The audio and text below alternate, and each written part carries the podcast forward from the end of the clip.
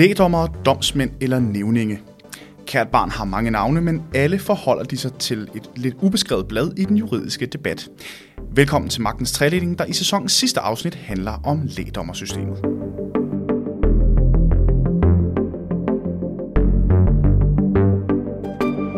kræver jo af borgere, øh, at de dømmer andre borgere. Det er jo i, i virkeligheden et altså, relativt tungt ansvar, kan man sige.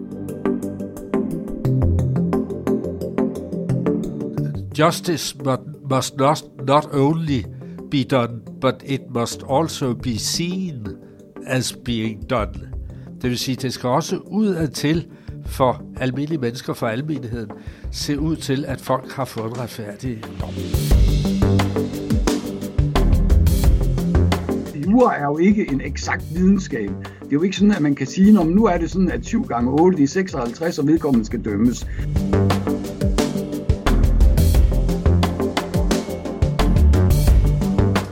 Er jeg meget øh, på vagt over for øh, anvendelsen af ordet retsfølelse. Fordi det er igen, hvad føler man? Øh, og vi må ikke lade, lade, lade, lade vores lovgivning og vores domme være afhængige af, hvad vi føler på et område.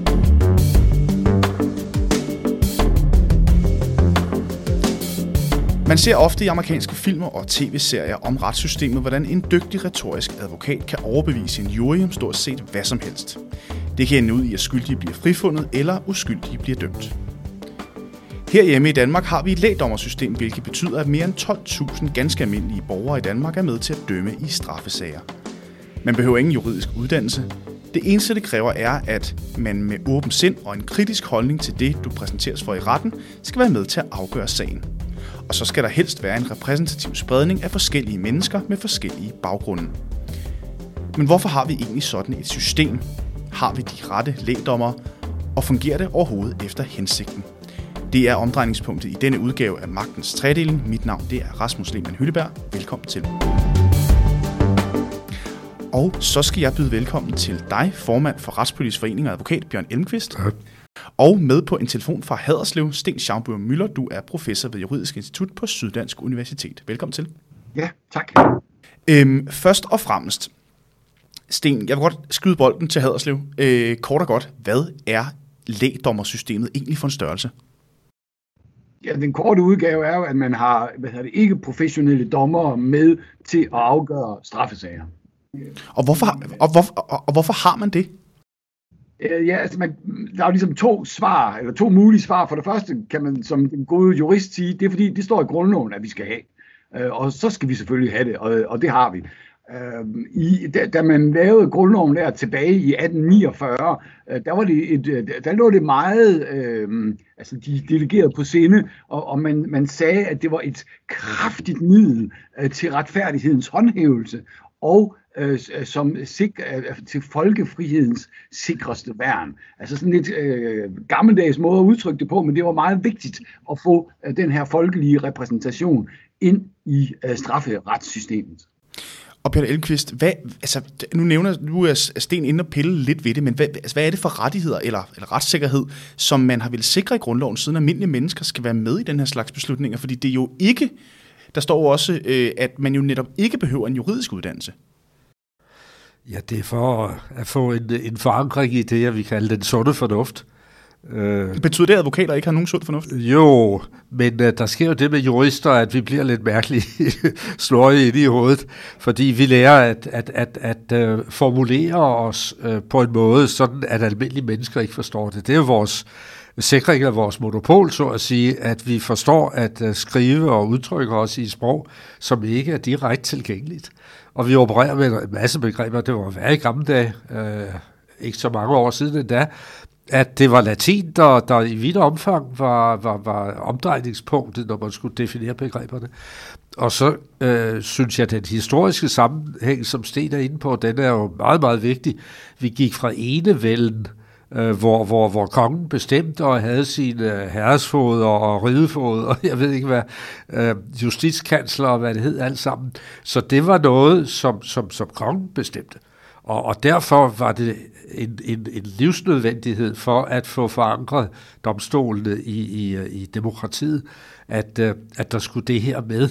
Husk også på øh, grundvigianismen og alt det, der var i anden halvdel af, af 1800-tallet. Så jo, det, det hører hjemme i, i dansk ret, og det er ikke et særkende for os. Alle andre, de fleste andre lande har noget, der minder om. Men betyder det, Sten Schampermüller, at øh, det er for at sikre, at advokaterne ikke taler øh, sort snak, at vi har lægdommer i Danmark? Altså, på den måde er der vel flere, øh, flere sådan positive virkninger af det. Jeg er meget enig med Bjørn Elmqvist i, at altså, vi har jo alle, det gælder ikke kun advokater eller dommere, men vi har jo alle øh, sådan en, en hvad kan man sige, fagidiots risiko. Altså at man bliver mere og mere, kører mere og mere ind i ens fag, og man bliver dygtig til det, og det er jo sådan set udmærket, men det koster typisk med, at det kan blive sværere og sværere at forklare andre, hvad pokker det er, der foregår. Og det er jo selvfølgelig noget skidt i, øh, i straffesager, som jo på den måde ikke, det er jo ikke raketvidenskab. Øh, og der, der er det jo vigtigt at, at få, få en, en forbindelse til, altså det, vi lever i et samfund, hvor vi, hvor vi straffer folk, det kan jo være alvorligt nok, og det må jo på en eller anden måde også kunne forstås og kunne udøves, kan man sige, eller dømmes af, af, af, af, af folk, som de er flest. Ja, Bjørn? Ja, øh, jeg vil henvise til et, et udtryk, og nu bliver det så ikke på dansk, det bliver på engelsk, det bliver heller ikke på latin, men øh, i den europæiske menneskerettighedsdomstol, som man jo kan klage til, hvis ikke man mener, at ens nationale retsmidler har, har nået frem til den retfærdige afgørelse, der har de et udtryk, som, øh, som, som går ud på at sige, øh, justice must not, not only be done, but it must also be seen as being done. Det vil sige, det skal også ud til for almindelige mennesker, for almenheden, se ud til, at folk har fået en retfærdig dom. Og det betyder meget, og, og, og der, der betyder lægdommer-aspektet også en hel del. Og der er også danske øh, jurister, der er udtrykt på den måde, at øh, en, en, en, en dom skal ud, øh, det må ikke bare udspringe af, at dommerne føler sig overbevist om, at det er rigtigt. Den skal være meddelbar, den her øh, sandsynlighed, som gør, at man finder en skyldig. Men så langt fordelene, men hvad med, er der også nogle ulemper, Sten Schampermøller?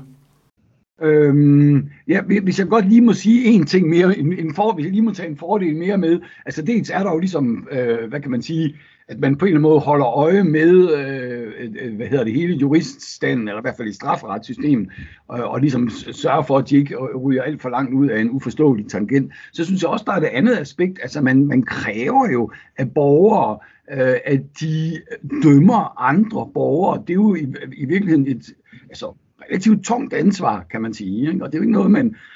altså som udgangspunkt er det jo, eller, det er jo borgerligt ombud, så det er jo noget, man, man men, øh, man ikke bare kan sige sig fri, øh, fri fra. Og det, det synes jeg egentlig også er et aspekt, som er et godt aspekt, at vi har et retssystem, som øh, bygger på en demokratisk vedtagelse og sådan, og så er der altså borgere, der, der ligesom får et medansvar for at få det til at fungere godt. Det, er også, det, det ser jeg også som noget positivt, vil jeg sige. Ikke? Og der kan vi så komme over til måske det eneste negative, jeg lige kan komme på, og det var man også klar over der helt tilbage, da man lavede grundloven i 1848 49, øh, og det var, at man, man var sådan lidt nervøs for at lægge alt for meget beslag på borgernes tid og kraft, som det hed. Og det er selvfølgelig rigtigt, at øh, det kræver jo en del tid. Nu kan man sige, nu transportmuligheder og den slags lidt bedre, end de var for 170 øh, år siden. Men det er jo stadigvæk, altså en retssag kan jo tage, kan, kan tage lang tid, og det er, man river noget ud af kalenderen. Så selvfølgelig er der det aspekt, at man, at, øh, ja, altså det, man kræver noget af borgerne. Og ellers har jeg egentlig ikke, jeg har faktisk ikke meget sådan, altså, øh, ulemper at sige i forhold til, til lægdommersystemet. Jeg vil sige, det praktiske kan der godt være nogle vanskeligheder. Og specielt i disse coronatider, der, der er det helt øh, voldsomt. Der har der været nævningssager øh, i flere måneder i foråret. Foretogs der ingen nævningssager. Jeg havde tre fire der var i gang, øh, som så blev sat i bero med folk, der sad i varetægtsfængsel og måtte vente. Men øh, det er praktisk set et tungt apparat. Øh, det er det. Øh, og, og der er mange øh, der er mange, der risikerer at komme for sent, og det vil sige, at man kan komme øh, til at sidde og vente, specielt i større byer som her i København, øh, fordi trafikken er mulig, og vi altid skal starte klokken 9, det irriterer mig også voldsomt. Hvorfor lægger man det ikke på et tidspunkt, så man slipper fra myldretid? Det kan man jo gøre. Det er det praktiske. Og så kan der være øh, den evige diskussion, faktisk, der dukker op i jævn mellemrum. De lægdommer, er de for flinke, eller er de for strenge? Ja, fordi, lad, altså, det, altså, jeg vil godt lige parkere den lidt, fordi for at kunne besvare det spørgsmål, at, tænker jeg, at det er relevant at kigge på, hvad det er for et mandat, de her lægdommer og domsmænd har. Øhm, så, altså, kunne du ikke prøve at uddybe det, Bjørn, i stedet for? Jo, øh, det kan jeg. For det første, så øh, spiller de jo en rolle, øh, en væsentlig rolle på lige fod med dommerne i og for sig, de juridiske dommer i spørgsmål om afgørelser skyld. I nævningssager er der det specielle, øh, i forhold til, til domsmandsretterne, at øh, der afgør man først spørgsmålet om skyld og procederer det, og så stemmer de, om det voterer. Og først, når der er sagt ja eller nej til, om vedkommende er skyldig i tiltalen, jamen så øh, bevæger man sig videre til næste emne. Hvad skal straffen så være, hvis altså han bliver fundet skyldig? Ikke? Og øh, det vil sige, at, at, at, at, at, at der er ganske stor indflydelse øh, fra, fra læg side med hensyn til, øh, hvordan straffen skal udmåles. Ja, for hvad er forskellen på en domsmand og en lægdommer og en nævning? Jamen, det er jo i princippet antallet, øh, og dermed også, hvor stor indflydelse de har på det. I en domsmandsret øh, vil der i byretten for, være to øh, lægdommer med, og en juridisk dommer, som er retsformand. Og der har man en stemme hver, og der vil sige, der kan de læge, altså domsmændene, øh, tyre dommeren, om jeg så må sige, og sige, jamen han skal frifindes, eller de kan, skal sige, han eller hun skal dømmes øh, og, og er skyldig. Og der kan den juridiske dommer ikke stille andet op, end at meddele sin holdning, hvis, hvis det er sådan, at han ville frifinde.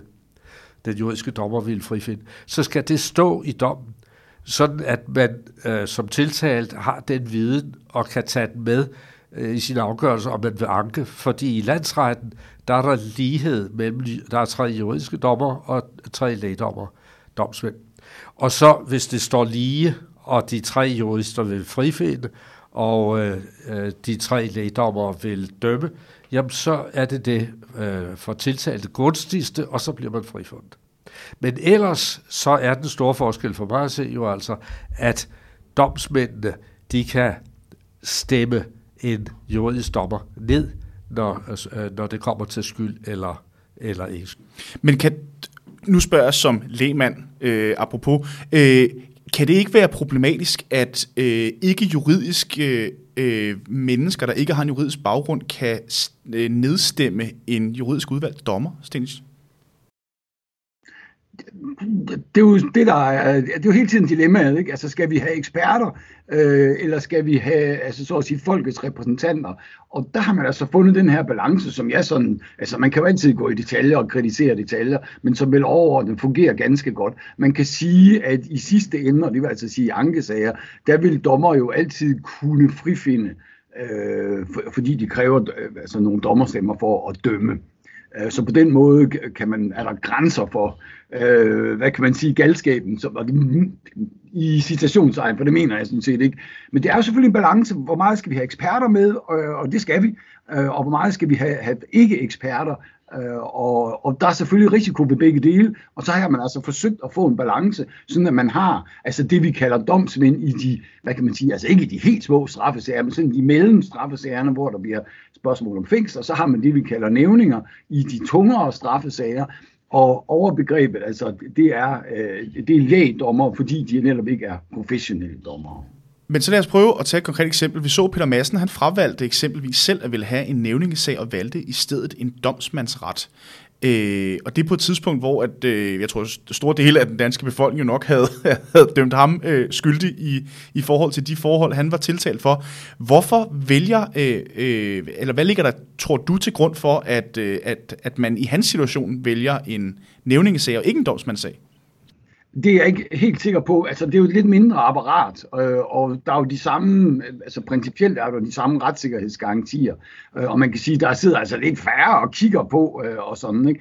Præcis hvad der, hvad, hvad der har været hans bevæggrund, det ved jeg jo. Mm. Bjørn? Jeg vil også sige, at jeg var lidt forundret over det. Øh, jeg ville som forsvar have drøftet det meget nøje med om det her fravalg. Men, Hvorfor? Men, øh, men ja, det, jeg vil hellere tale om de sager, jeg selv har øh, end at gætte på, hvad, hvad, hvad der er sket i Så lad os tage et, et, et og, og, og når, når jeg står over for, for, for en, en klient, øh, hvor der lægges op til fra anklagemyndighedens side, at det her er nævningssag, så spørger han, eller hun jo også ofte, hvad betyder det? Og det er jo altså, fordi straffen, øh, øh, strafpåstanden vil være øh, fire år eller derover. Og så, så beder anklager om det, og så kan man fravælge. Og der siger jeg altid til vedkommende, ja, hvad er det, du er tiltalt for? Og den forbrydelse, du er tiltalt for, hvordan tror du, almindelige mennesker vil se på det og på din forklaring? Vil der være forståelse for dig, eller vil de sige, han er da et monster, øh, så han skal have hele armen? Og hvis det sidste er tilfældet, at almindelige mennesker vil reagere sådan, og det er ens formodning, jamen så er mit råd til ham, så tag nævningene. Fordi i byretten, der, kan, der har de flertal.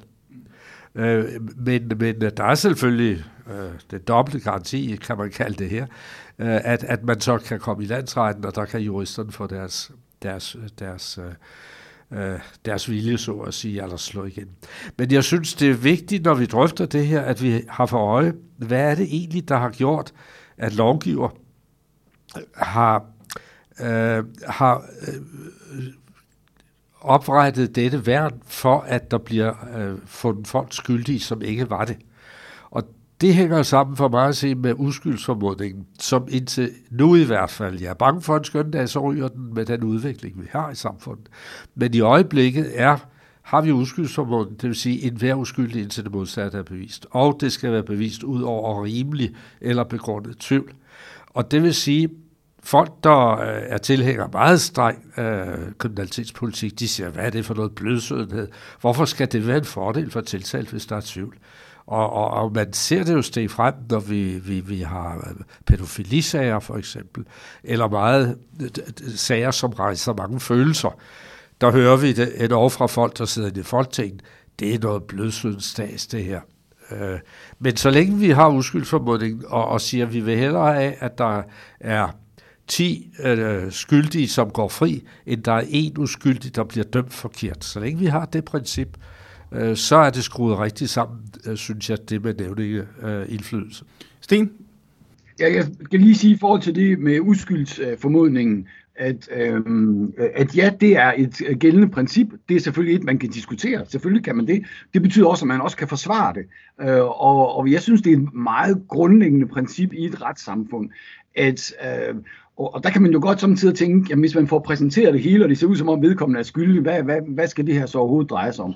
Det, det jo drejer sig om, det er, at vi ikke skal have en masse øh, mere eller mindre mærkelige øh, afviger, og hvad det nu kan være, der kommer ind, og de der vist også skyldige, og de der vist også det ene og det andet, og så, og så kan de så risikere at blive dømt, selvom de overhovedet ikke er skyldige. Det er der jo ingen, der kan være interesseret i. Vi bliver nødt til, og vi, det er samfundet, det er sådan en, altså det, ja, det er alle, øh, inklusive mig selv, må holde, altså blandt andet politi og anklagemyndighed op på, at de får fat i dem, der faktisk er skyldige. Og så har vi et domstolssystem, der kan ligesom tage stilling til, at det nu også rigtigt. Hvis man slækker på det, så får man, eller risikerer man jo på et eller andet tidspunkt at få et politi, som ja, hmm, vi er sådan set ligeglade med, om de er skyldige eller ej, fordi når vi først kommer med dem, så er de jo skyldige det, øh, jeg læste på et tidspunkt øh, en kinesisk øh, advokat, som var vokset op, altså som cirka på alder med mig, altså som var opvokset op i sådan 70'erne, og der var det, der galt det modsatte princip i Kina, at man var skyldig,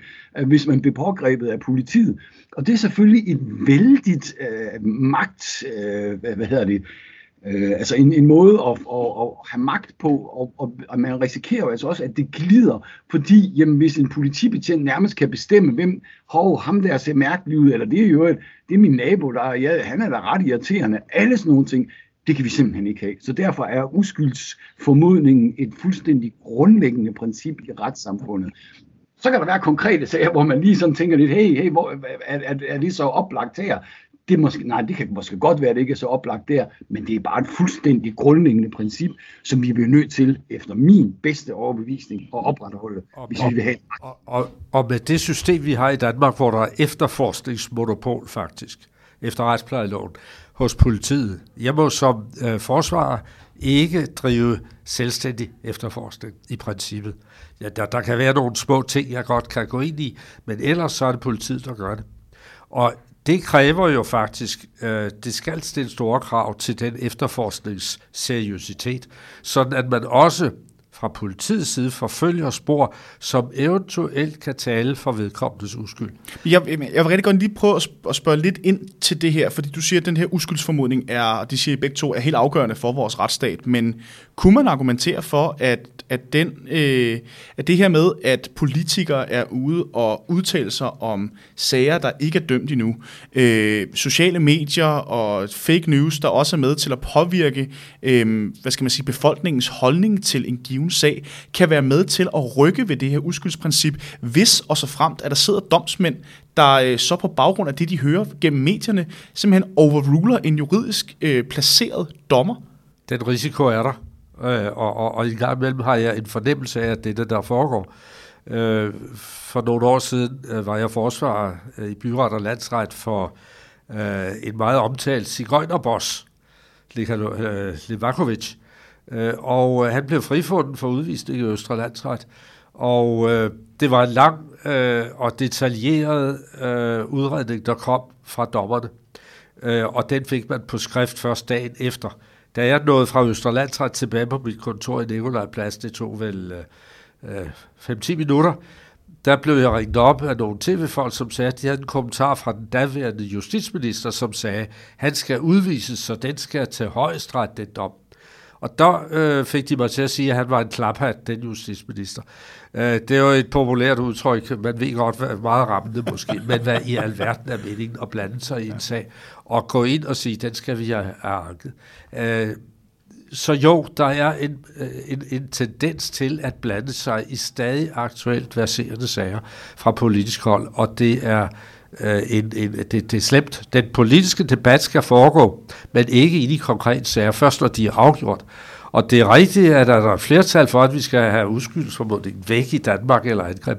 Jamen, øh, så, vil der, øh, så, så vil der blive en masse ballade om det, og vi vil gå til den europæiske menneskerettighedsdomstol med de sager. Sten? Øh, ja, altså, du rejser en, en, en længere række spørgsmål i virkeligheden. Jeg vil godt lige kommentere lidt af det. Øh, fordi vi er jo også her, altså, og det, det viser lægdommersystemet, sådan, vi er jo i et, hvad kan man sige, i et øh, dilemma, eller i, i sådan en, en balancegang, som man skal gå med. For selvfølgelig må det være sådan, at folk i almindelighed borgere kan øh, kommentere dommer og synes, at de er åndssvage og forkert, og der må være dømt hårdere eller mildere. Det er jo en del af sådan den demokratiske ting. Og sådan. Øh, har politikere, altså medlemmer af den, den lovgivende magt, eller måske endda, en, ja nu var det en tidligere justitsminister, ikke? Øh, ja, han var, de har med, han var minister da. Han var, min, og han var ja, minister på det var Søren Pind. medlem af den udøvende magt, så bliver, der bliver det lidt mere problematisk, øh, øh kan man sige. Øh, og, og så vil jeg godt sige, at, at, at det, jeg var lidt inde på før med lægdommer, det er, at de jo så får et ansvar for at, at lytte ordentligt, høre efter, og så træffe en vel til tider svær beslutning. Der kan det jo være et problem, det er i hvert fald sådan, jeg ser det i, i sådan et, et, hvad hedder det, øh, sådan hyperkommunikativt samfund, som vi har med sociale medier, at man kan jo mene rigtig meget, det er så fuldstændig gratis, og man behøver ikke at have tænkt sig om, eller have sat sig ind i sagen den øh, altså, øh, havde ret omtalte som Bornholmer drabsag, hvor der var, var mange derude øh, meget hurtigt og vidste, hvad det her drejede sig om, og det havde noget med racisme at gøre, og sådan, uden i øvrigt at kende det nærmere. Det er jo igen det, selvfølgelig har man lov til at give sin mening til kende, men det kunne jo være dejligt, hvis man gav sin mening til kende på baggrund af en vis viden om, hvad der foregår. Og det er jo ikke altid tilfældet. Det er også helt afgørende, om det er en verserende sag, fordi hvis først en dom er afsagt, der er endelig, så er jeg enig i, at så er det selvfølgelig, øh, en, hver, øh, en øh, har ret til, og nogen har pligt måske, til at gå ind og vurdere det, og, og, og sætte det ind i en bredere sammenhæng og sige, at det er en vej, vi, vi kan synes om den her. Og det kan vende begge veje. Der kan være nogle straffe, der er for strenge. Øh, der kan være domme, man mener var forkert afsat Øh, afsagt, og så kan man have det modsatte, at det her det er blødsødenhed, og derfor bør vi skærpe straffen. Det sker ustandsligt, men øh, verserende sager skal man holde fingrene fra, så længe man ikke er en af de øh, direkte aktører. I forhold til det her med, at det skal være almindelige mennesker, der er med til at dømme, der er der nu flere gange blevet rejst kritik af, at lægdommerne måske ikke er så almindelige mennesker alligevel i gåseøjne. Og kritikken er gået på, at lægdommerne ikke har været repræsentativ nok, fordi den gennemsnitlige lægdommer både var ældre, mere højt uddannet og mere højt lønnet end gennemsnittet, og altså stammer fra de højere socioøkonomiske lag end den almindelige befolkning, øh, som jo også ofte er dem, der bliver tiltalt rent statistisk set. Øh, det er blevet udråbt som et kæmpe problem. Hvorfor er det problematisk, Sten? Øh, ja, det er selvfølgelig problematisk på den måde, at ideen er jo, at folket skal være med til at dømme øh, folket, eller altså nogle, øh, nogle andre borgere. Og så skal man selvfølgelig være repræsentativ. Og der har, har løbende været problemer. Mit indtryk er, at det er på nogle parametre blevet bedre, øh, blandt andet med, med etnisk herkomst. Sådan har jeg set den sidste, øh, den sidste undersøgelse. Og der er stadigvæk nogle problemer øh, med de der ting, du siger, øh, typisk højere uddannede, øh, en, en større øh, hvad hedder det, alder. Der skal jeg lige sige, nu, før, før i tiden måtte man jo ikke være så gammel, når man var lægdommer, men nu, nu er det faktisk de 30-50-årige, der er overrepræsenteret, mens de under 30-årige, og de, nu kan ikke lige præcis huske men lad os sige, de over 70-årige, der er underrepræsenteret. Øhm, ja, det bør, der, det, øh, det bør selvfølgelig være rimelig repræsentativt, og mit indtryk er, at der bliver gjort noget for det. Om det er nok, skal jeg ikke helt kunne sige, men der er det jo vigtigt netop, at kritikken hele tiden er der. At man siger, hey, det her, det, det her det er et ideal. Vi kræver, at det skal være repræsentativt, øh, og, og så må man så forsøge at leve op til det, og det er blevet, som vidt jeg kan vurdere, lidt bedre, men, men vi, der er stadigvæk nogle problemer. Det er rigtigt, at det er blevet bedre, og det er vigtigt, at man er opmærksom på det. Da jeg sad i Folketinget for efterhånden 20 år siden sidst, øh, ja, der øh, var det et tilbagevendende øh, problem. Og, og, og det det etniske, det er, blevet, det der er blevet rettet op på. Øh, det med det aldersmæssige, det går også nogenlunde. Øh, men det, det, det socioøkonomiske, hvor man befinder sig i, i lavkagen, så at sige, øh, der er stadig mange af dem, der ikke har så lang en uddannelse, der er underrepræsenteret. Men Øh, Øh, det, som er min pointe her, det er så også, det gælder jo altså grundlisterne, det vil sige, øh, den, den, den øh, masse af personer, som man ved lodtrækning får folk øh, ind og bemander øh, domsmandsretten eller nævningeretten. Fordi når man sidder i domsmandsret, øh, i Københavns Byret for eksempel, og der er to lægedommer, så kan de selvfølgelig ikke være repræsentative. Øh, Øh, hverken øh, kønsmæssigt, ja det kan det, hvis der er en mand og en kvinde, øh, men i hvert fald ikke for, for, for, for, for i enhver henseende for alder. Jeg har været ude for øh, sager, øh, der var seksuel karakter, altså voldtægtssager for eksempel, hvor jeg har siddet med øh, min klient, der var mand, og hvor nævningene, hvis det var en alvorligere sag, øh, om forvaring for eksempel, øh, var fortrinsvis kvinder, måske kun kvinder eller en domsmandsret, hvor retsformanden, kvindelig juridisk dommer, og to kvinder, der var øh, domsmænd, MK. Og så siger min klient til mig, kunne vi ikke få nogle mænd ind, som måske øh, har en lidt bedre forståelse for, hvad det er, der er foregået i den situation. Men det kan man ikke. Man kan ikke få nogen erklæret inhabil på grund af køn, for eksempel. Men der er altså nogle praktiske problemer med at få oversat repræsentativitet. Sten, jeg kunne godt tænke mig netop øh, den her, altså netop sager om voldtægt. Vi så den her øh, sag øh, med den 32-årige lærer øh, i sommer, der i byretten var dømt skyldig for voldtægt af en 13-årig elev. Og i landsretten, der blev han frikendt. Der var to juridiske dommer og fem nævninge, der fortsat fandt ham skyldig. Men en dommer og fire nævninge, der frifandt ham. Og ved landsretten skal der altså være minimum to dommer og seks nævninge, før man kan blive kendt skyldig. Hvorfor er det sat op på den her måde? Fordi det er jo mere end bare et flertal, der skal til.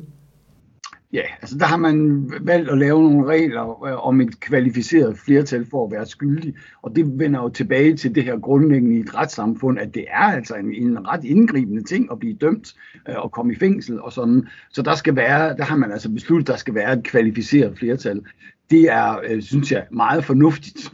Øh, men det, det kan selvfølgelig, altså selvfølgelig kan det diskuteres. I forhold til, øh, jeg ved ikke om jeg forudgriber begivenhedernes gang nu, men altså i forhold til den, til den konkrete sag, øh, så var, blev der jo rejst kritik af det, og blandt andet øh, blev der brugt et udtryk, sådan noget i retning af, at det må være nogle mærkelige dommer, eller nej, det, de finder det ikke mærkeligt, at Øh, og sådan, der var en kritik af, og igen, selvfølgelig må man gerne kritisere domme. Det er helt åbenlyst, det må man gerne. Men Jeg synes også, det er vigtigt at, at, at, at fastholde, at man skal altså ikke straffes, fordi man er mærkelig. Og strafferetssystemet øh, skal ikke tage stilling til, om det er mærkelige personer eller sådan. Det, de skal tage stilling til, det er, er det bevist, at den pågældende har gjort sådan og sådan. Og der kan man jo godt sidde med, øhm, jeg kan nævne en, en, en gammel sag, altså man kan jo godt sidde med en, en ret stor fornemmelse for, at her er sket et eller andet, men det kan ikke bevises. Og så må man jo frifinde. Og det er det vigtigt, og det tænker jeg også, der er sådan en pædagogisk rolle for jurister og andre, at, at prøve at forklare, at en frifindelse er jo altså ikke det samme som, så at sige, en dom af offeret, at når man nu har hun så gjort det frivilligt eller sådan. Det er, vi har et retssamfund, og der skal altså beviser til for at dømme øh, en person.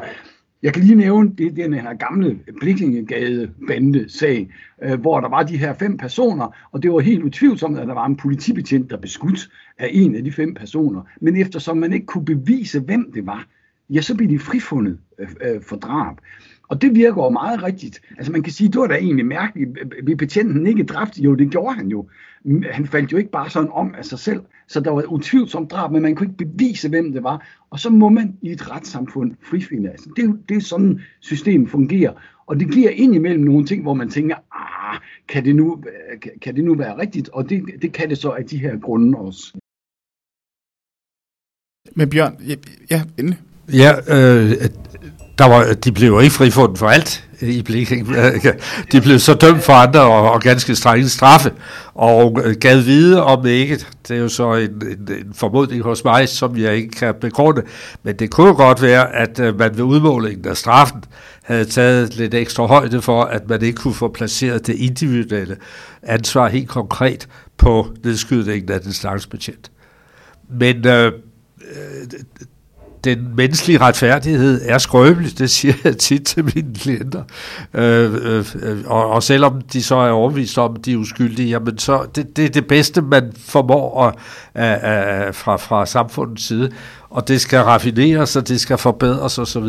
Men øh, det vigtige princip, mener jeg altså også, er, at det, individet, som nu sidder i, i saksen, og hvor alle myndighederne er på nakken af den, at man ikke i den henseende øh, opgiver princippet om øh, uskyldig indtil det modsatte er bevist. I en artikel øh, om domsmandssystemet, der har landsdommer Elisabeth Meiners udtalt, at, citat, domsmandssystemet skal sikre balance mellem det, vi vurderer og dømmer i retterne, og den generelle opfattelse i samfundet. Mit spørgsmål til jer, altså, kan det ikke også blive lige lovligt farligt, hvis den generelle opfattelse for eksempel ikke hænger sammen med, hvad der er juridisk ulovligt? Nej, det, det, man kan sige, at, at, at øh, jorden bør jo kunne fortolkes, sådan at den svarer til almindelig sund fornuft. Det synes jeg er, er, er et overordnet krav til alle jord. Og hvis, hvis ikke jorden rummer den mulighed, så er det lovgivers opgave at gå ind og, og, og gøre den. Det er meget, meget vigtigt, det ser vi også i, i vores pandemi-situation, at, at adfærdsregulerende regler, de skal stemme overens med sund fornuft. Vi så det diskussion med mundbindet. Uh, hvorfor i alverden skulle vi til at bruge det i tog? Det kan jeg huske i august måned, jeg tager med tog ind hver morgen. Hvorfor i alverden skulle jeg sidde med, med mundbind på, hvis det ikke havde nogen effekt? Uh, nu har man så fundet ud af, at jo, det har en effekt, og så begynder det at, at komme med sund fornuft. Men der, der skal altså være en eller anden sammenhæng der. Men det, er, men det er super interessant her, fordi Sten, du, du har tidligere udtalt, at citat, tanken er, at selve dommen og skyldspørgsmålet er lige så godt besvaret af almindelige mennesker, at det i lige så høj grad beror på almindelig sund fornuft og dømmekraft. Det er jo ikke den store indviklede juridiske øvelse, det er et spørgsmål om dømmekraft og mavefornemmelse. Er det ikke et problem for retssikkerheden, hvis skyldspørgsmålet afgøres ud fra mavefornemmelsen? Fordi vi hører jo øh, altså advokater og dommer øh, lægge meget vægt på, at det her jo netop ikke handler om mavefornemmelser, og det handler ikke om, om øh, hvad skal man sige, øh, altså personlige holdninger til en given sag. Det handler om juraen og det juridiske udgangspunkt. Ja, det handler selvfølgelig om jura, men det handler om, at jura er jo ikke en eksakt videnskab. Det er jo ikke sådan, at man kan sige, at nu er det sådan, at 7 gange 8 det er 56, og vedkommende skal dømmes. Der er jo et, altså en dom, en, en, en, man, man, får, man træffer en beslutning, og når jeg siger mavefornemmelse, det var måske lige lovligt frisk udtryk, men jeg vil gerne forsvare det, fordi en beslutning er jo en blanding af, at man altså forhåbentlig, det kan vi mennesker jo tænke sig om, øh, og når der skal træffes en beslutning i en retssag, skal det være inden for juraen, men vurdering af, hvorvidt er vedkommende nu skyldig, eller er vedkommende ikke skyldig, ja, der vil jo være en, en vis sådan fornemmelse af, hvor er det, vi går hen, og her er det så selvfølgelig vigtigt, at det ikke bare er nok. Man skal jo så begrunde, hvorfor er det så, altså hvis man sidder der og synes, jamen jeg synes nu, han skal dømmes, og hvorfor synes du det? Jamen det synes jeg, for han ser så dum ud, eller han, altså alle sådan nogle ting, det går jo ikke, det er jo totalt uacceptabelt. Men, men, men jeg synes ikke, man skal underkende, altså hvad man nu vil kalde det, mavefornemmelse, retsfølelse, eller hvad man vil kalde det, det synes jeg sådan set ikke gør så meget, men at, at der er et, altså ikke nødvendigvis et ulogisk, men et alogisk aspekt af det at træffe beslutninger. Det, det synes jeg er rigtigt, og det, øh, det kan, øh, hvad kan man sige, det kan borgere gøre, øh, og det kan jurister gøre. Bjørn? Jeg mener, det er vigtigt, at, at ens argumentation og ens baggrund eller bevæggrund for at dømme nogen er, som jeg sagde før, meddelbar. Og, og, og, og jeg mener, undskyld med al respekt, at mavefornemmelser, de kan være svære øh, svært meddelbare. Så jeg vil hellere øh, øh, placere det lidt højere end i maven, op i nærheden af der, hvor vores hjerte sidder. Øh, hjertet skulle vi også gerne forbi, fordi øh, det dur ikke, at det er følelser. Øh, af samme grund øh, er jeg meget øh, på vagt over for øh, anvendelsen af ordet retsfølelse. Fordi det er igen, hvad føler man? Øh, og vi må ikke lade, lade, lade lad vores lovgivning og vores domme være afhængige af, hvad vi føler på et område. Det skal være så, øh, så rationelt, som det overhovedet kan lade sig gøre. Så køligt, men dog med empati. Køligt dog med empati. Sten? Ja, altså jeg hører nok til, altså jeg hører klart til dem, som, synes, som ikke er så bange for det med retsfølelse. Øh, og det betyder selvfølgelig ikke, at man kan bruge ordet retsfølelse i en hvilken som helst sammenhæng, og så bare sige, jamen det er nu min retsfølelse, og så kan man have alle mulige fuldstændig ubegrundede. Det er selvfølgelig ikke det, jeg mener.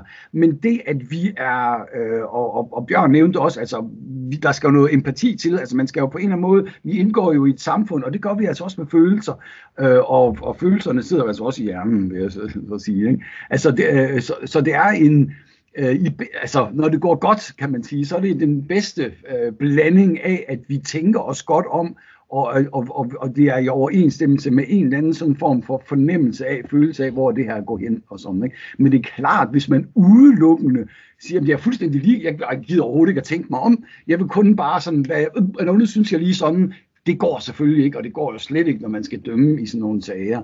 Øh, det er helt åbenlyst. Men omvendt, det andet går heller ikke. Vi kan jo ikke regne os frem til resultatet. Så det er altså lidt sådan en blanding. Så jeg er jo til dem, jeg er ikke sådan særlig bange for overhovedet at bruge ordet retsfølelse. Jeg synes, det er fint. Ja, vi er mennesker, vi har følelser øh, med i, i det her. Det er, øh, ganske fint. Men det er selvfølgelig ikke bare den der umiddelbare, sådan spontane øh, øh følelse, som skal bestemme det hele. Helt åbenbart. Det skal det selvfølgelig ikke. Så, altså, har man set eksempler på, at de her juridiske dommer, der jo også er til stede i retssagen stadigvæk, øh, de øh, simpelthen overtrumfer beslutningen i, øh, hvis de er uenige i lægdommernes vurderinger, og, altså, og kan de overhovedet det? Øh, ja, det kan de jo sådan set godt, altså afhængig af stemmerne, hvor det er henne, og hvad det er for en sag. Øh, jeg nævnte før med, med domsmandsretten, at i byretten, der er det domsmændene, der er flertal, men når kommer vi til landsretten, der står det 3-3. Øh, der har de hver en stemmer, der er tre juridiske dommer og tre øh, øh, domsmænd. Øh, ja, domsmænd. Og, øh, og, og der kan juristerne øh, sætte sig igen, øh, og så, så falder det ud til, øh, til, øh, til deres, øh, altså hvis de vil frifinde, så falder det den vej ud. Øh, i nævningesager, der er det lidt mere kompliceret, øh, men øh, som vi var Ja, for der er jo flere nævninger, ikke sandt? Jo, men, men som vi var inde på, så, så er der nogle særlige regler, der gør, at der skal et kvalificeret flertal i landstretten for at finde skyldig. Og det er altså ud fra en, en konsekvent øh, anvendelse og, og respekt af princippet om, øh, om øh, øh us, øh, uskyld, uskyldighed til det modsatte bevis. Her til sidst, øh, Sten, set fra din stol, øh, virker vores system, som det burde? Øh, sådan øh, i det store hele, så synes jeg, det virker øh, meget, så synes jeg, det virker meget godt. Jeg kender ikke til alle mulige detaljer, så godt som, som Bjørn gør, og der kan sagtens være ting, der i, i, i sådan mere praktiske detaljer ikke fungerer så godt. Og jeg vil også sige, at det er jo vigtigt, at man hele tiden holder sig for øje, netop at det, Altså, at der er et ideal her, som vi skal leve op til. Undskyld. For eksempel det med repræsentationen, hvor man hele tiden, hvor det ikke bare kan nytte noget med læner sig tilbage og siger, nu fungerer det hele godt, nu vi alle er, er det, og nu behøver vi ikke at gøre mere. Det er jo noget, vi hele tiden skal, skal arbejde på, at, at det fungerer godt. Øh, men overordnet set, så vil jeg synes, at jo, jeg synes, det er et meget, altså det er sådan ganske, øh, øh, ganske fornuftigt, ordentligt system, ja. Og Bjørn, er du enig i den betragtning? Ja, øh, den del af vores retssystem og vores samfund, synes jeg fungerer udmærket. Øh, og sammenligner vi med andre lande, så øh, har vi ikke noget at være flove over der. Vi skal øh, fortsat øh, holde øje med øh, vores repræsentativitet, om, om, om den er tilgodeset, og der kan være hjørner, der kan ændres osv. osv. Men øh, jeg synes alt i alt, så er lægdommerens øh, øh, placering i dansk ret øh, forsvarlig. Det var da dejligt opløftende her øh, på en øh, torsdag. Øh, tusind tak, øh, Bjørn og Sten, for jeres indsigtsfulde øh, indblik i lægdommersystemet. Øh, Magtens Tredeling kan findes på iTunes, eller hvor du ellers finder dine podcaster. Her kan du også finde hele vores bagkatalog af spændende podcasts. Du kan måske forsøge den søde juletid med. K-News og Magtens Tredeling er produceret af Karner Group.